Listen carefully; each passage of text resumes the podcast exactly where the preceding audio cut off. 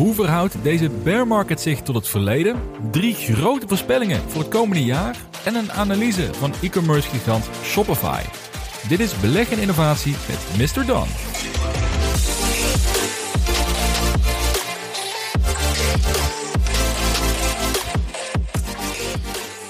Het is de tweede week van het jaar. Het is januari. Het jaar is nog ontzettend jong. En het is weer tijd om ons te verdiepen in innovatiebeleggen.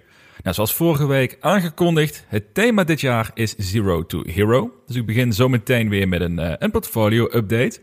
Al zitten we natuurlijk nog vrij vroeg in het jaar. Er is ook weinig spannends gebeurd. Dus ik zal het gaan combineren met een update over de markt overall. Nou, daarna ga ik door met drie grote voorspellingen voor 2023. Ligt al een tijdje op het, uh, op het puntje van mijn tong. Dus ik ga uitspreken welke drie ontwikkelingen ik verwacht. En dan hebben we einde jaar weer iets om, uh, om op terug te kijken. En ook heb ik weer een hoop vragen van luisteraars binnengekregen. En staat er ook weer Don's Radar op de agenda. En ik was eigenlijk wel verrast dat ik uh, nog niet eerder een analyse heb gedeeld over dit aandeel. Want ik heb er vaker over gesproken. En het staat ook in mijn top 10 wishlist voor dit jaar. En dan heb ik het over Shopify. Misschien wel de grootste katalysator achter de groeiende e-commerce markt. Ontzettend interessant bedrijf, eh, die zijn eigen spotlight verdient in Don's Radar. Ik zat nog te overwegen trouwens in welke vorm ik Don's Radar zou willen gaan doen dit jaar. De vorige afleveringen was het vrij beknopt, hè? meer een soort snelle globale blik op het bedrijf in nou, pak een beetje vier minuutjes. In het verre verleden, toen ik nog uh, Little Dawn genoemd werd, waren er uh, vrij uitgebreide analyses van 20 minuten in deze afleveringen. Nou, dat past niet meer helemaal in het huidige format, maar een combinatie van beide, dat kan misschien wel. Dus ik ga de aandelen met een, uh, een vijf-punten systeem beoordelen, namelijk omzet en groei, hun marges, de waardering van het management, de financiële gezondheid en de waardering. En op basis daarvan volgt dan een conclusie. Dus de radar wordt iets uitgebreid, zodat jij ook een, uh, een beter gevoel krijgt of het aandeel eventueel wel of niet past binnen jouw eigen portfolio-strategie. Dus weer meer dan genoeg te bespreken deze week. Maar voordat we beginnen, uiteraard de gebruikelijke disclaimer. Dit is geen financieel advies. Doe altijd je eigen onderzoek en beleg alleen met geld dat je voor een langere tijd kunt missen. Alright, laten we beginnen met de portfolio-update van januari. Dus de, de Zero to Hero verhaal waar we mee bezig zijn. En laten we zien wat zich verder allemaal in de markt afspeelt. Nou, eigenlijk kan ik hier vrij kort over zijn over mijn portfolio. Het jaar begint best wel rustig. Of het, uh, er zijn eigenlijk weinig ontwikkelingen geweest. Uh, geen nieuwe aankopen, geen verkopen. Ik heb één investering gedaan in een start-up die al een tijdje op de planning stond. Maar eigenlijk geen ontwikkelingen in mijn aandelenportfolio. En ondanks dat de markt een paar interessante dagen kende, eh, met name afgelopen vrijdag, toen de Nasdaq aan het begin van de dag het nogal lastig vond om een richting te bepalen en uiteindelijk met de 2,5% de plus de dag afsloot. Nou, dat uh, zorgde ervoor dat we het jaar beginnen met een, uh, met een groen kleurtje. Ook wel eens een mooie verandering, dus uh, laten we koesteren deze momenten. En voor mijn portfolio starten we met een kleine min, omdat mijn grootste positie Canoe 10% daalde zonder fundamentele reden. Dus eigenlijk nog heel weinig over te vertellen van waar het portfolio dit jaar heen gaat. Positief wel trouwens is dat Origin Materials, is een van mijn wat kleinere posities, mijn 6% op dit moment, maar eentje waar ik veel van verwacht. Zij hebben goedkeuring gekregen vanuit de staat Louisiana voor een steun van anderhalf miljard dollar. En daarmee kunnen zij hun tweede fabriek gaan bouwen, wat het komende jaar van start gaat. En dat gebeurt met name via uh, belastingvoordelen en het uitgeven van obligaties. Dat wordt onderschreven door de Bank of America. En dat is een mooie ontwikkeling, want dit zorgt ervoor dat ze de kosten voor zowel de eerste en een tweede fabriek hebben gedekt. Is weer een risico minder bij deze start-up die dit jaar willen gaan bewijzen dat hun technologie om restafval op koolstof negatieve manier omzetten naar bruikbare materialen, dat dat kan op een, een schaalbare en een winstgevende manier. Dus een best wel interessante, interessant verhaal. Interessant bedrijf ook heel erg. Dus ik ben heel benieuwd hoe zich dat gaat ontwikkelen in het komende jaar. En dat aandeel steeg dan ook met, uh, met 10% in de afgelopen week. Maar overal gebeurde er dus vrij weinig. Ik zei het al, het portfolio staat op min 0,9% voor dit jaar. Nou, dat is, daar sla ik geen minuut minder om, kan ik je vertellen. Maar dat is omdat er best wel weinig ontwikkelingen zijn en ook weinig beslissingen over mijn portfolio om over toe te lichten. Leek het mij interessant om weer eens een, uh, een bredere blik te werpen op de beurs overall. Wat zie ik allemaal gebeuren? En op Twitter kwam ik daar een, een paar interessante statistieken over tegen. Allereerst zag ik een vergelijk tussen de huidige bear market en diegene in het verleden. Nou, we zitten momenteel in de op drie na slechtste bear market in de historie. Officieel zitten we al ruim 400 dagen, of langer dan 400 dagen dus, in deze bear market. Eh, de beurs is bijna 40% gedaald. En er zijn slechts drie situaties geweest waarin de bear market langer en heviger was dan nu. Nou, dat was de financiële crisis in 2007. Dat was de, de crisis in 1973 als gevolg van meerdere factoren, zoals de oliecrisis en ook de sterke devaluatie van de dollar. Moest ik even teruglezen, moet ik je eerlijk bekennen. Eh, en natuurlijk de dotcom-bubbel in 2000. En alle andere bear markets waren minder heftig en minder langdurig dan de huidige bear market.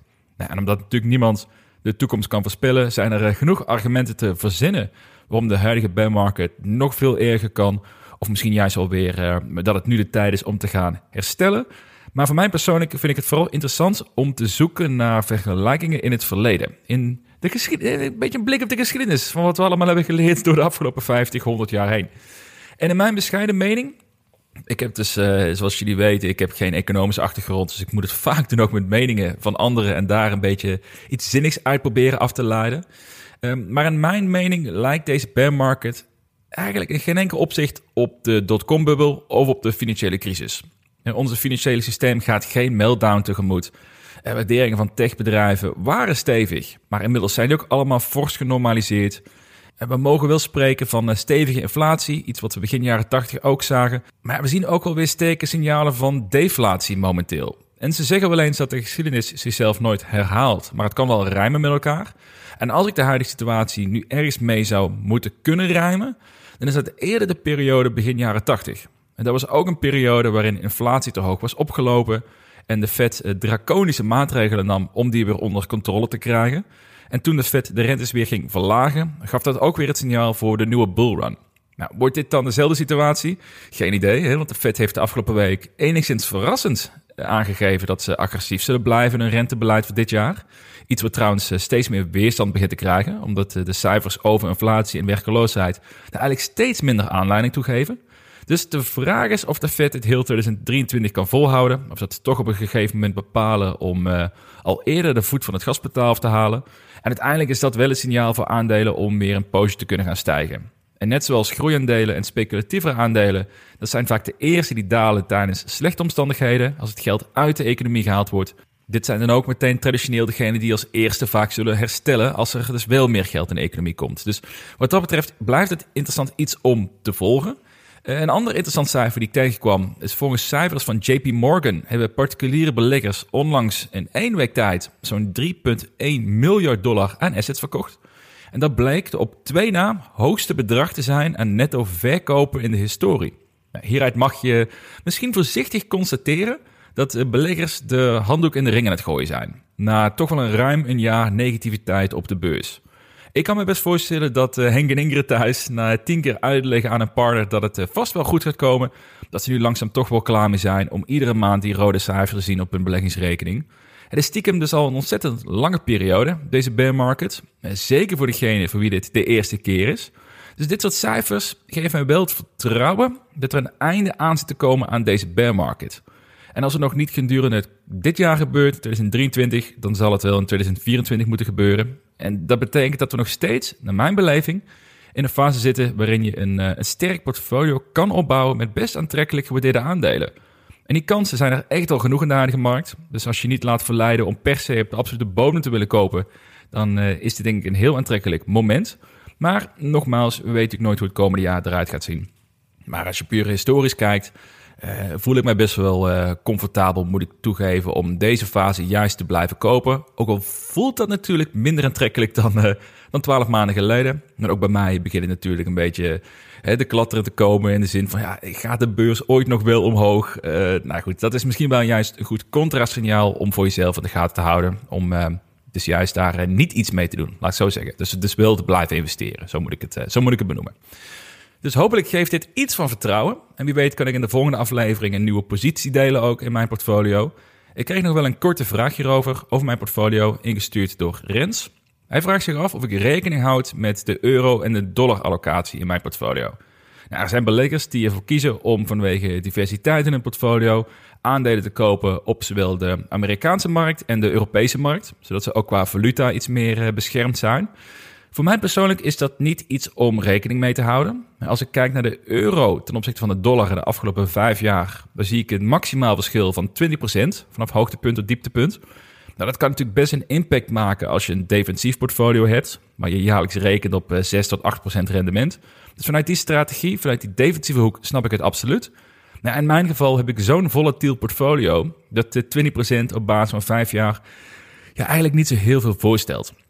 En als dat dan de kosten zou gaan van uh, investeren in mijn favoriete aandelen, dan vind ik de kosten-batenanalyse helemaal niet zo aantrekkelijk. Want dat zou betekenen dat ik een deel van mijn huidige portfolio, wat dan 100% bestaat uit Amerikaanse bedrijven toevallig, zou moeten inruilen voor Europese aandelen die ik dan minder aantrekkelijk vind. idealiter kom ik, in een, uh, kom ik een Europees bedrijf tegen die ik wel heel interessant vind. En dat daarmee op natuurlijke manier de balans komt in de euro en de dollar. Bijvoorbeeld, eh, mocht ik willen investeren in een ASML of een eh, CM.com bijvoorbeeld, dan gaat het eigenlijk al van nature. Maar niet ten koste van. En ook niet puur als uitgangspunt om maar dollar en euro allocatie te hebben. Maar goed, als je dus meer een gespreid portfolio hebt met iets defensiever, dan snap ik die overweging wel degelijk. Maar voor mij geldt dat niet zozeer. Nou, tot zover een update over mijn portfolio en de markt. Ik ga later in deze aflevering het aandeel Shopify onder de loep nemen. Maar het is eerst tijd voor uh, drie grote voorspellingen voor 2023. Dan heb ik het niet over koersverwachtingen. dat zou te makkelijk zijn. Maar ik heb wel drie ontwikkelingen op basis van trends en signalen die we nu langzaam al een beetje zien ontstaan. En die eh, durf ik langzaam ook al uit te spreken. Dus we gaan zien of ik einde van het jaar weer heb gepakt geworden op een, eh, op een uitspraak of een, eh, een aanname die het eigenlijk niet geworden is. Maar ik denk wel dat dit dingen zijn die ook wel een bredere impact kunnen gaan maken op een groepje tech-aandelen. Die ook wel vaker in deze podcast benoemd zijn. Dus leuk om daar drie voorspellingen, drie grote voorspellingen voor het komende jaar erover te delen. Nu, en het, uh, nu moet nog steeds aan het begin van het nieuwe jaar zijn. Laten we beginnen met een uh, best een specifieke voorspelling over één aandeel. Daar komen we er langzaam een beetje in, in deze flow. En dan gaan we toewerken naar iets meer grotere, meer bouten voorspellingen. Nou, de eerste voorspelling gaat over Pinterest. Ik vermoed dat dit het jaar gaat zijn dat Pinterest overgenomen zal worden door een andere grote techspeler. De reden hiervoor is dat Pinterest een, eh, een geweldige synergie kan hebben met verschillende type bedrijven. Het is een platform met maandelijks meer dan 400 miljoen gebruikers. Het heet als praktisch enige social platform, als je het zo wil noemen, heeft het een, eh, een positief imago. En het is zichzelf aan het ontwikkelen naar het grootste social commerce platform op de wereld. En het komt omdat de aankooppotentiële van Pinterest-gebruikers zodanig hoog is dat het zelfs voor adverteerders dat dit het platform is met de hoogste return on advertising spend. Oftewel, dat is een enorme potentie om voor een groep 400 miljoen gebruikers verder te kunnen monetizen. Nou, ik blijf erbij dat de beleggers deze potentie simpelweg niet op waarde schatten. En dat uh, roep ik eigenlijk al twee jaar op dit moment. En Pinterest zou bijvoorbeeld in mijn optiek een, uh, een uitstekende combinatie kunnen zijn met een fintech-speler. Het is de reden waarom er vorig jaar hardnekkige geruchten waren over dat PayPal geïnteresseerd was in het platform. Maar het zou ook een hele goede aanvulling kunnen zijn voor bijvoorbeeld Google, die nu nog geen sterk platform hebben voor inspiratie en visuele content buiten natuurlijk YouTube, wat we voornamelijk of eigenlijk alleen maar richten op videocontent. Maar ze hebben wel alle tools en alle kennis om zo'n platform maximaal te kunnen monetizen, om daar geld mee te verdienen. Nou, Pinterest zou voor Google denk ik een uitstekende aanvulling zijn binnen een hele ecosysteem. Of wat te denken van een Amazon, gezien de hoge competentie van de Pinterest-gebruikers. Koppel alle producten aan, uh, aan de Amazon webshop en de Amazon partners die ze vertegenwoordigen. Koppel die dus aan de, de, de producten die je ziet in Pinterest. En je hebt meteen een gigantisch afzetkanaal voor je shops. Oftewel, het voelt heel logisch als een grotere techspeler interesse krijgt in Pinterest. Nou, het bedrijf is momenteel gewaardeerd op zo'n kleine 17 miljard dollar. Maar een overname zal waarschijnlijk wel met een, uh, een behoorlijke premium moeten komen. Microsoft probeerde Pinterest in 2020 over te nemen voor een bedrag van 51 miljard dollar. Dus drie keer zoveel als de huidige waardering. Uh, vorig jaar waren er geruchten van PayPal ook, dat zij afgelopen jaar een interesse hadden voor een overnamebedrag van 45 miljard dollar. Nou, beide keren is het uh, logischerwijs niet gelukt. En ik denk dat Pinterest er nu sterker voor staat dan destijds. Met meer groeiende gebruikers. Ze hebben een nieuwe CEO te pakken. Ze hebben ook een activistische investeerder, Elliott, sinds vorig jaar. Dus zou mij niet verbazen als een potentiële overname opnieuw tussen de 40 à 50 miljard zou moeten opleveren. En dan is een stijging van zo'n 135% tot 200% op de huidige waardering. Nou, dat zijn premiums die normaal gesproken niet betaald worden. Maar ervan uitgaande dat de koers zich verder herstelt gedurende het jaar en Pinterest ook geen aanleiding krijgt om te moeten verkopen, dus dat ze financieel sterk blijven, dan lijkt mij dat wel een denkbaar scenario. Oftewel, mijn eerste voorspelling. Dit jaar wordt de overname van Pinterest aangekondigd. En waarschijnlijk voor een waardering van minimaal 40 miljard dollar. Nou, die schrijft hij maar op een briefje. Die, uh, daar ben ik best wel, best wel vertrouwen over dat, dat uh, die aankondiging dit jaar gaat gebeuren. Dus dat was mijn eerste voorspelling. Dan is het tijd voor mijn tweede voorspelling. En dat is een, uh, een nieuwe IPO die de beurs op zijn kop gaat zetten. En dat is de stiekem verwachte IPO van Starlink. Die als losse entiteit apart van SpaceX naar de beurs zal komen, verwacht ik. En dan wil ik aan toevoegen, om het nog wat meer spicy te maken, dat uh, na die IPO van Starlink, dat einde van het jaar dit bedrijf gewaardeerd wordt voor meer dan 100 miljard dollar. Dat is mijn uh, tweede grote voorspelling van het komende jaar. En mijn redenatie is als volgt. Nou, allereerst hebben we met Elon Musk een persoon die zichzelf, nou, noem het even, redelijk in de nest heeft gewerkt in het afgelopen jaar.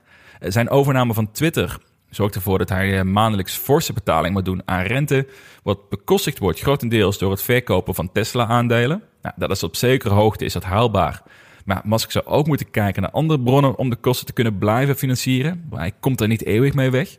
En een van de meest logische opties is een beursnotering van een van zijn private bedrijven. Nou, je hebt een aantal. Je hebt de, de Boring Company.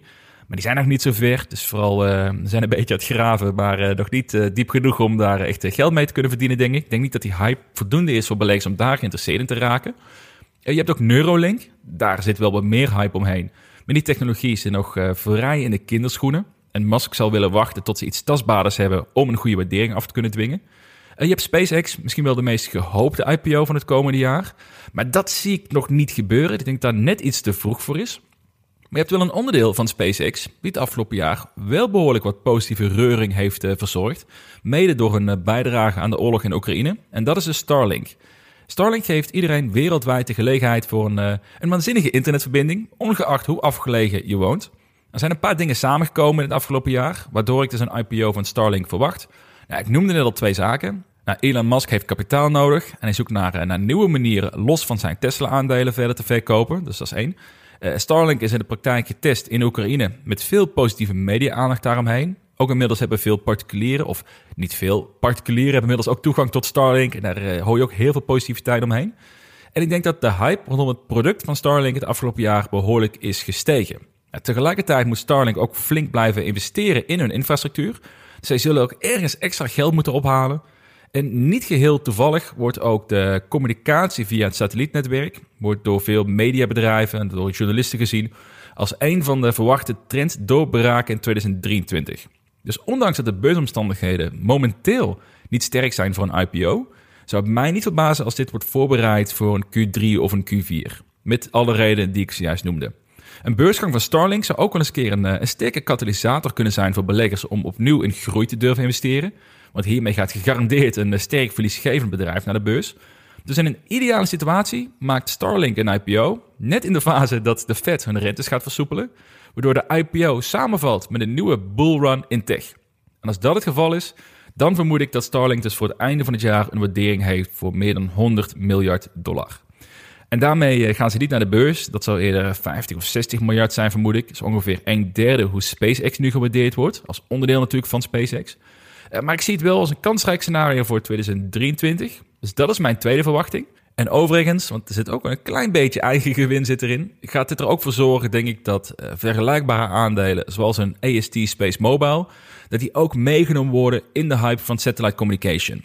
Dus het zou wel eens voor uh, speculeerders ook wel een keer een, een interessante trade kunnen zijn voor dit jaar. Om misschien een langdurige optie te kopen, een AST Space Mobile. Erop speculerende dat Starlink de IPO gaat maken, waardoor ook de hele, hele industrie daarin eigenlijk naar uh, een, flinke, een flinke boost gaat krijgen. En dan de derde en de laatste voorspelling voor het komende jaar. En dat is eentje waarover al, uh, al veel gesproken is. Maar niemand heeft echt de ballen gehad om de knoop dood te haken. Maar in 2023 gaat dat denk ik wel gebeuren. En dat is het verbannen van TikTok in Amerika. Ik denk dat dit het jaar gaat worden dat de techstrijd tussen het Westen en China naar het nieuw niveau gaat. Ik was onlangs bij een presentatie over China, over de innovaties daar en de technologische ontwikkelingen eh, die daar plaatsvinden. En ik was echt verrast en ik was echt onder de indruk. We krijgen er heel weinig van mee vanwege de Great Firewall. Schitterende naam trouwens. Maar de perceptie is dat uh, de perceptie dat China een achtergesteld land is die droomt over de technologie van wat wij in het Westen hebben, dat is echt niet meer het geval. Qua artificial intelligence, uh, zelfrijdende voertuigen, uh, bundeling, alles in een super-app. Ze lopen bepaalde vlakken echt misschien wel sterk op ons voor. Of misschien niet sterk, ze lopen op ons voor op een aantal van die technologieën. En ik denk dat dat besef er meer zal gaan komen in 2023 en ertoe zal leiden dat ze China serieuzer gaan nemen als een concurrent of een challenger op gebied van technologie. En wat is het laatste wat je wilt doen met jouw tech-concurrent? Dat is inzicht geven in jouw plannen en in jouw gebruikers. Oftewel, hoe de westerse inwoners, hoe zij hun leven leiden. En dat is iets natuurlijk waar, uh, waar TikTok een gevoelige rol in speelt. Het is geen geheim dat TikTok een enorme bak aan data van westerse gebruikers bezit. En ook toegang heeft tot die data om zelf beter van te worden. Nou, die data komt sowieso terecht bij de Chinese overheid. Want waar we in het Westen erg gesteld zijn op privacy van die gegevens, is dan in China niet het geval. En wat de schadelijke gevolgen kunnen zijn voor ons als gebruiker, dat is denk ik nog wel te overzien. Misschien doe ik het ook wel een beetje downplayen. Dat um, zou ik iets meer in moeten verdiepen, eh, allicht nog. Maar het is wel duidelijk dat China profiteert van al die inzichten die ze eruit halen. Ook bekeken dus vanuit die tech-race, waar uh, steeds meer de nadruk op zou komen te liggen. Oftewel, ik denk dat het Westen met Amerika voorop zal gaan besluiten om China niet wijzer te maken dan ze hoeven te zijn. En dus dat TikTok aan banden wordt gelegd. Eerst in Amerika, misschien het jaar daarop in Europa, want we hobbelen hier vaak achter Amerika aan. Tegelijkertijd biedt het wel kansen voor bedrijven zoals bijvoorbeeld Google, die met eh, YouTube Shorts al een concurrent voor TikTok aan het bouwen zijn geweest. Nog niet helemaal met dezelfde slimmigheid en het bereik wat je op TikTok krijgt, maar het is een alternatief waar nog eh, verbeteringen mogelijk is. Maar bijvoorbeeld ook een Meta kan erop doorpakken binnen Instagram, waar ze ook al iets meer aan het richten zijn op video. En ook Pinterest heeft aangekondigd om meer focus te willen leggen op short-form videocontent. En als die alternatieven goed genoeg zijn, dan zullen de westerse bevolking misschien ook wel minder boos gaan worden als TikTok uiteindelijk geband gaat worden. Want op dit moment is TikTok zodanig geliefd dat het, uh, ik denk dat een bericht over het verwijderen, of de, de, de, de aanzet tot verwijderen van TikTok, waarschijnlijk politieke zelfmoord betekent. Uh, dus dit is iets wat uh, via een doordachte mediacampagne opgezet zal moeten worden. Vandaar ook dat ik verwacht dat dit pas Q4 definitief het geval zou kunnen gaan worden. Maar naar mijn gevoel gaat dit wel gebeuren in het komende jaar. Dat waren mijn drie grote voorspellingen voor 2023. Pinterest wordt overgenomen, Starlink maakt een IPO en uh, einde jaar is dat dus 100 miljard waard. En TikTok wordt geband in Amerika. Dus we gaan zien in hoeverre ik gelijk ga krijgen in deze voorspellingen. Het zijn best wel extreme voorspellingen. Nou, niet te extreem, maar het zijn natuurlijk wel uh, behoorlijk... Uh, het zijn geen koersontwikkelingen die ik verwacht. Dus ik ben heel benieuwd of dit gaat, gaat waargemaakt gaat worden in het komende jaar. Dan is het tijd voor nog een luistervraag. En deze komt van Patrick. Sowieso een, uh, een shout-out naar, uh, naar Patrick, want hij heeft onlangs vanuit zichzelf aan vijf mensen feedback gevraagd hoe deze podcast voor mij verbeterd kan worden.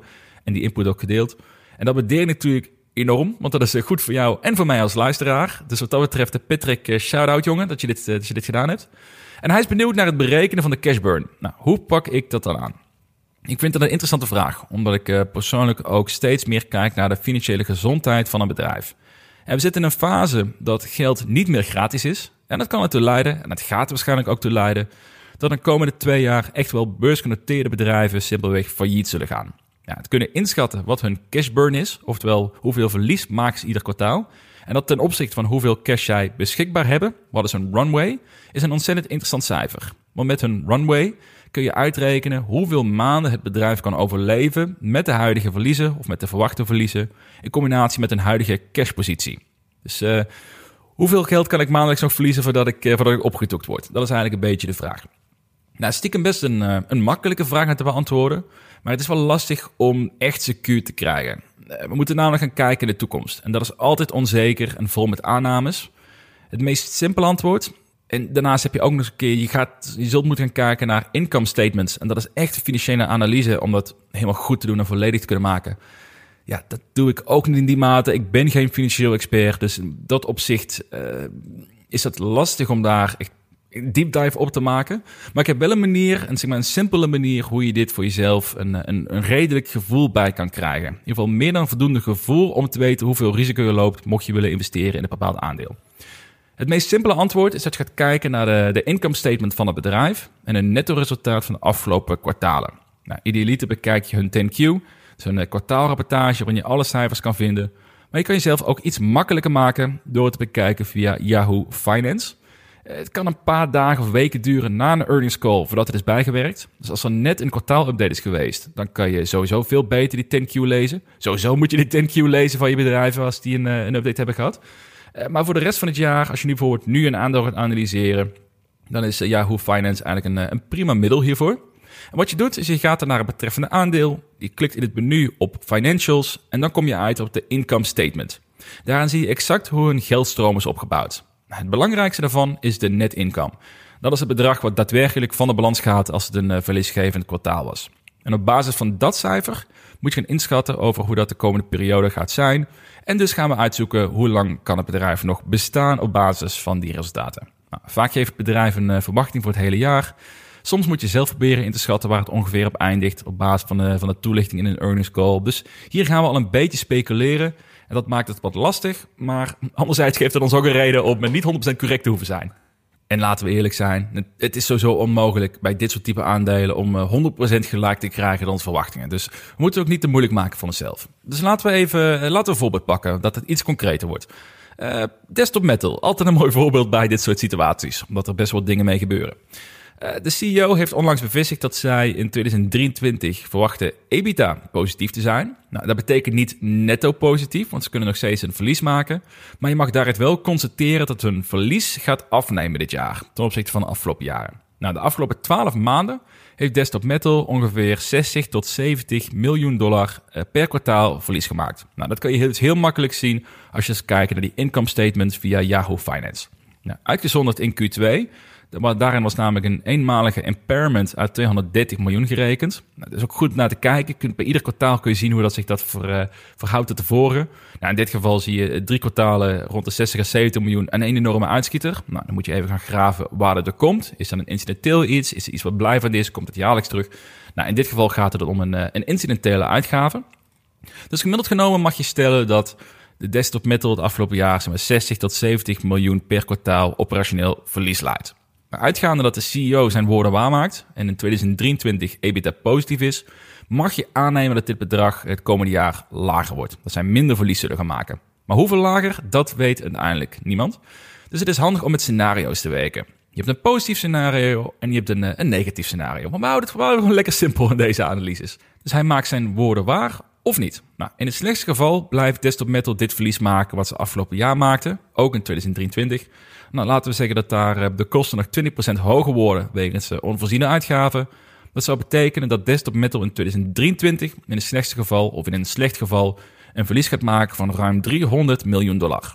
Nou, en in het beste geval laten we zeggen dat het verlies daalt met pak een beet 50% over het hele jaar genomen. En begin de eerste twee kwartalen zal het verlies dus hoger zijn, kwartaal 3 en 4 iets lager, als zij die ambitie waarmaken om richting EBITDA positief te gaan. Dus als we dat berekenen, 50% minder verlies dan de afgelopen jaar, dan maakt het bedrijf een verlies van zo'n 100 tot 130 miljoen dollar netto over het afgelopen jaar. Nou, dan heb je een, uh, een softe indicatie van de cash burn, dus wel met de nodige aannames, maar je hebt wel een indicatie. En dat kun je ook dus gaan, uh, gaan bijhouden of die indicatie klopt. Dat is ook wel een belangrijk onderdeel wordt dat van jouw uh, redenen om te investeren. Dus ik zou het ergens opschrijven en kijken per kwartaal, lig ik nog in de buurt van die verwachting? En zo ja, is dat een reden om door te zetten? En zo nee, heeft dat impact op mijn, mijn reden om te investeren? En ik zou, je kunt er veel dieper op induiken. Je kunt veel specifieker uitzoeken waar de kosten in zitten. Uh, of dat komend jaar hoger of lager wordt. Maar ik wil het vrij beginnersvriendelijk houden. Dus we werken met iets meer aannames. Nou, laten we daar eens mee, mee gaan rekenen. Slechtste geval 300 miljoen verlies. Beste geval of een positief geval 100 tot 130 miljoen dollar verlies. En dan blijft de vraag natuurlijk, hoe lang kan dit bedrijf overleven in de huidige marktomstandigheden? met deze cash burn.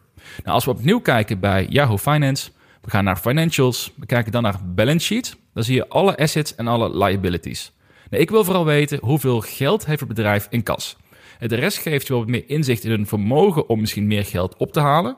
Maar ik wil weten hoe lang zij kunnen overleven met de hoeveelheid geld wat zij nu bezitten. Dan klik je op Total Assets, Current Assets en daar staat bovenaan de cash en de cash equivalents. Nou, voor Desktop Metal zie je dan, is dat 270 miljoen dollar, inclusief kortlopende investeringen. Oftewel, in het meest positieve geval heeft Desktop Metal meer dan genoeg geld om het komende jaar te overleven.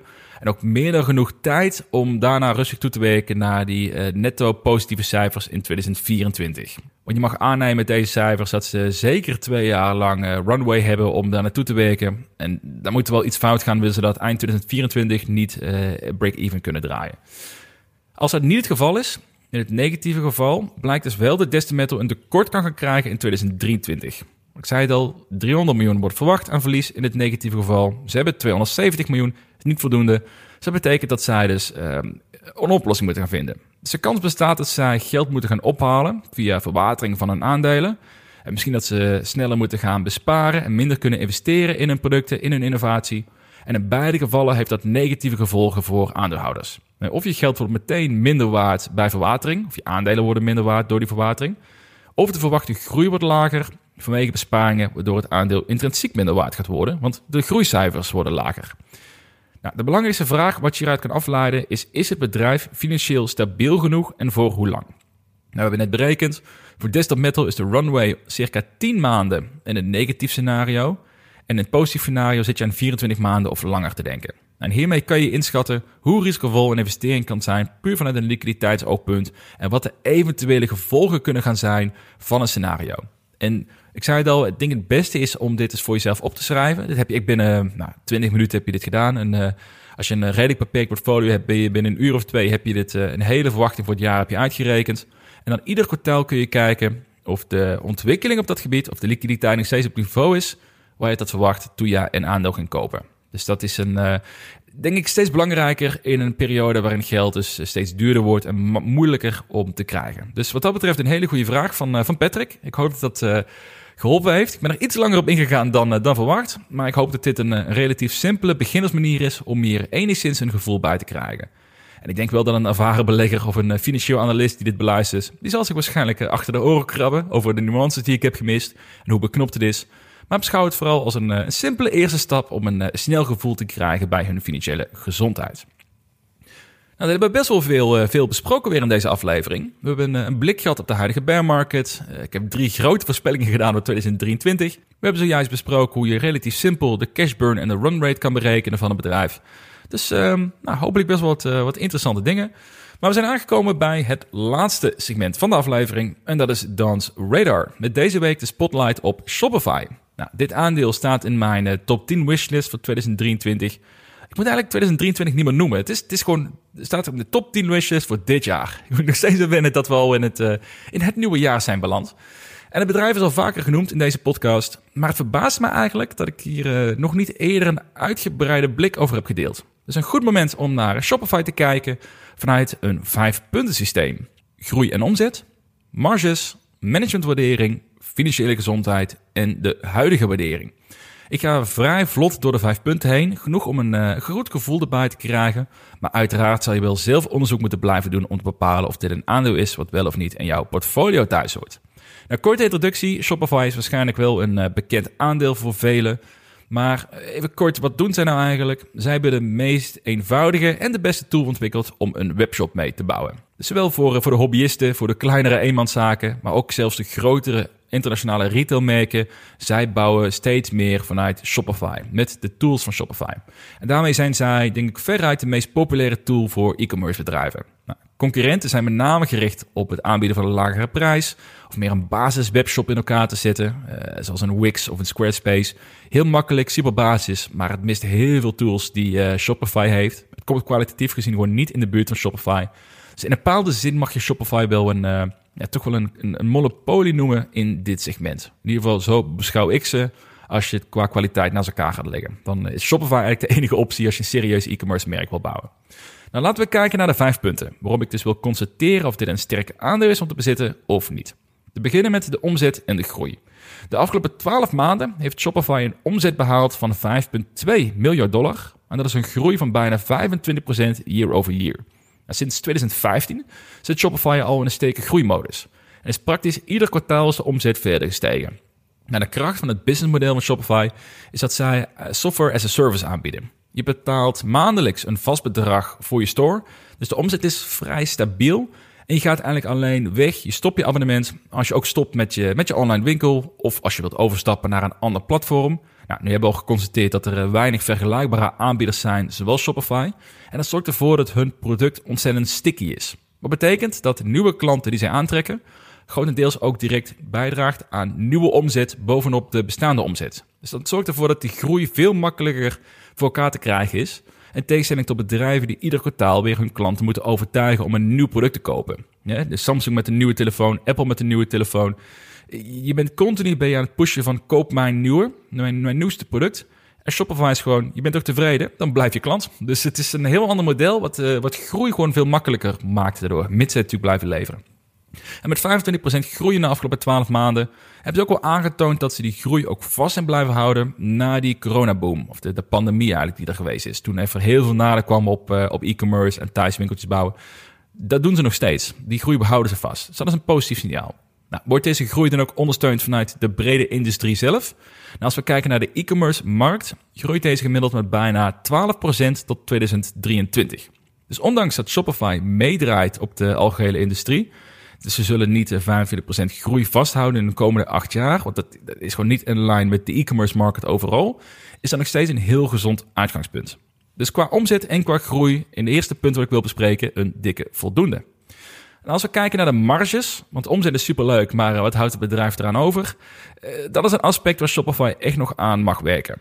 Het bedrijf werd vanaf eind 2020 tot eind 2021 ontzettend winstgevend, met enorme netto-marges, maar dat blijkt een uitziet te zijn geweest. Historisch gezien was uh, Shopify verliesgevend op basis van die netto-marges. Vanaf 2015 tot 2020 hingen ze een beetje tussen de min 9% tot min 6% verliesgevend. En het ene jaar opeens ging de marge naar uh, plus 60%, dus na 2020. Maar inmiddels, nu weer een jaar later zijn, hebben ze te maken met een, uh, echt een fors netto verlies. De afgelopen 12 maanden hebben ze zelfs een negatieve marge van min 61% op, op, op netto behaald. Dat is een verlies van 3,2 miljard dollar op 5,2 miljard dollar omzet. Dus dat is een issue. Er wordt inmiddels flink bezuinigd bij het bedrijf, maar Shopify zou wel moeten aantonen dat het een winstgevende organisatie is en weer kan worden. Zelfs als de komende jaren, als we een groei vasthouden van 10 à 20 procent jaarlijks, als dat, dat is iets wat, wat verwacht wordt, dan hoort daar een vooruitzicht bij van een winstgevende organisatie. Want je mag niet meer spreken van een hypergrowth bedrijf, een bedrijf die alles gaat investeren om die groei vast te houden. Daarvoor is die 15 tot 20 procent eigenlijk iets te beperkt. Dus wat dat betreft zouden ze in mijn beleving iets sneller mogen toewerken naar uh, gezonde EBITDA-marges. Dus hier op dit moment nog een, uh, een lichte onvoldoende omdat ik anderzijds wel denk dat het businessmodel genoeg ruimte biedt om dit om te kunnen draaien in de toekomst. Dan een snelle blik op het management. Nou, in deze periode wordt het uh, lastiger beoordelen, omdat uh, er is een sanering gaande. Werknemers moeten vertrekken, zoals bij heel veel techbedrijven. En bij een sanering zie je dat de werknemers, voormalige werknemers, gewoon veel sneller zullen gaan klagen op sites zoals een Glassdoor, waar je kan zien hoe het management en de cultuur wordt gewaardeerd. De CEO is uh, Tobias Lutke. Hij is een van de weinige CEO's waar ik graag naar luister, een podcast, want hij volgens mij echt begrijpt waar de wereld heen gaat. Hij is ook uh, bestuurslid bij Coinbase. Hij ziet de toekomst van de digitale economie goed voor zich, heeft een sterke visie ook. En ook heeft hij een visie hoe hij zijn personeel mee kan nemen in dat verhaal. Dus onder meer door uh, vorig jaar zijn personeel een optie aan te bieden om te kunnen tweaken tussen een verhouding van salaris en aandelencompensatie. Hij heeft uh, voor intern een slimme calculator laten maken, waarmee werknemers kunnen kiezen tussen of meer salaris of meer aandelen en meteen kunnen berekenen wat voor impact dat dan heeft op beide. En ieder kwartaal of ieder half jaar kunnen zij dat aanpassen. Nou, dat vind ik dus een uitstekend voorbeeld, een moderne manier om werknemers betrokken te houden bij een organisatie zoals Shopify. Nou, via Glassdoor krijgt de CEO, uh, Tobias Lutke, nu 73% approval. Dat is oké, maar zeker niet fantastisch. Maar het is niet gek in deze omstandigheden met zoveel ontslagen de afgelopen maanden. Maar vanuit mij, omdat ik dus deze CEO wel al iets, uh, iets beter ken, uh, een, een vinkje over het managementteam. Het vierde punt is financiële gezondheid. Nou, net al uitgebreid over gehad, hoe je daar uh, snel een beeld bij krijgt. De afgelopen 12 maanden hebben zij 3,2 miljard, miljard dollar netto verlies geleden staat wel tegenover dat dit ook het nodige papieren verlies was, wegens de verkoop van aandelen bij lagere waarderingen. Nou, daar tegenover heb je wel staan een cashpositie van een bijna 7,8 miljard dollar, wat zij op de bank hebben staan. Dus oftewel, zelfs in deze extreem verliesgevende periode, wat atypisch voor hen is, dus mede doordat uh, dus de waardering van het bedrijf zo gedaald is, hebben ze nog zeker voor twee jaar runway op basis van huidige uitgaven. Dus lang vooral kort, het bedrijf is gewoon financieel super solide. Geen enkele twijfel over hun eh, financiële gezondheid voor de komende jaren. En dan het vijfde punt, de waardering. De koers is het afgelopen jaar met 67% gedaald. Dus de waardering is logischerwijs wel eh, relatief aantrekkelijker geworden. Shopify is nu gewaardeerd op ongeveer 46 miljard dollar. Dat is bijna 9 keer de omzet. Ze hebben negatieve free cash flow, dus dat maakt het dan minder aantrekkelijk. Eh, de marges staan onder druk, de groei is wel prima, maar ik heb er moeite mee om een zware premium te betalen voor Shopify op dit moment. En op dit moment mag je Shopify dus ook wel gewoon een, eh, vrij prijzig aandeel noemen. Zeker in de huidige omstandigheden, waar verliesgevende bedrijven zonder een sterke free cashflow gewoon worden afgestraft. Dus qua waardering ben ik niet heel enthousiast op dit moment. Dan zit ik zelf ook in een uh, afwachtende modus totdat de koers iets aantrekkelijker wordt. Want ik betwijfel op dit moment of Shopify de juiste returns kan geven over een periode van vijf jaar bij deze waardering. Dus op dit vlak nog een, uh, een onvoldoende in mijn beleving. Dus conclusie, drie dikke voldoendes en twee onvoldoendes. Ik geloof sterk in de toekomst. Ik vind het een mooi bedrijf. De industrie vind ik aantrekkelijk. En Shopify is de alleenheerser op dit gebied. Dat is ook de reden waarom ik graag een positie wil openen in 2023. Maar er zijn dus wel twee punten die ik graag verbeterd wil zien. En als de marges fors verbeteren, dan ben ik ook bereid om een hogere waardering te betalen.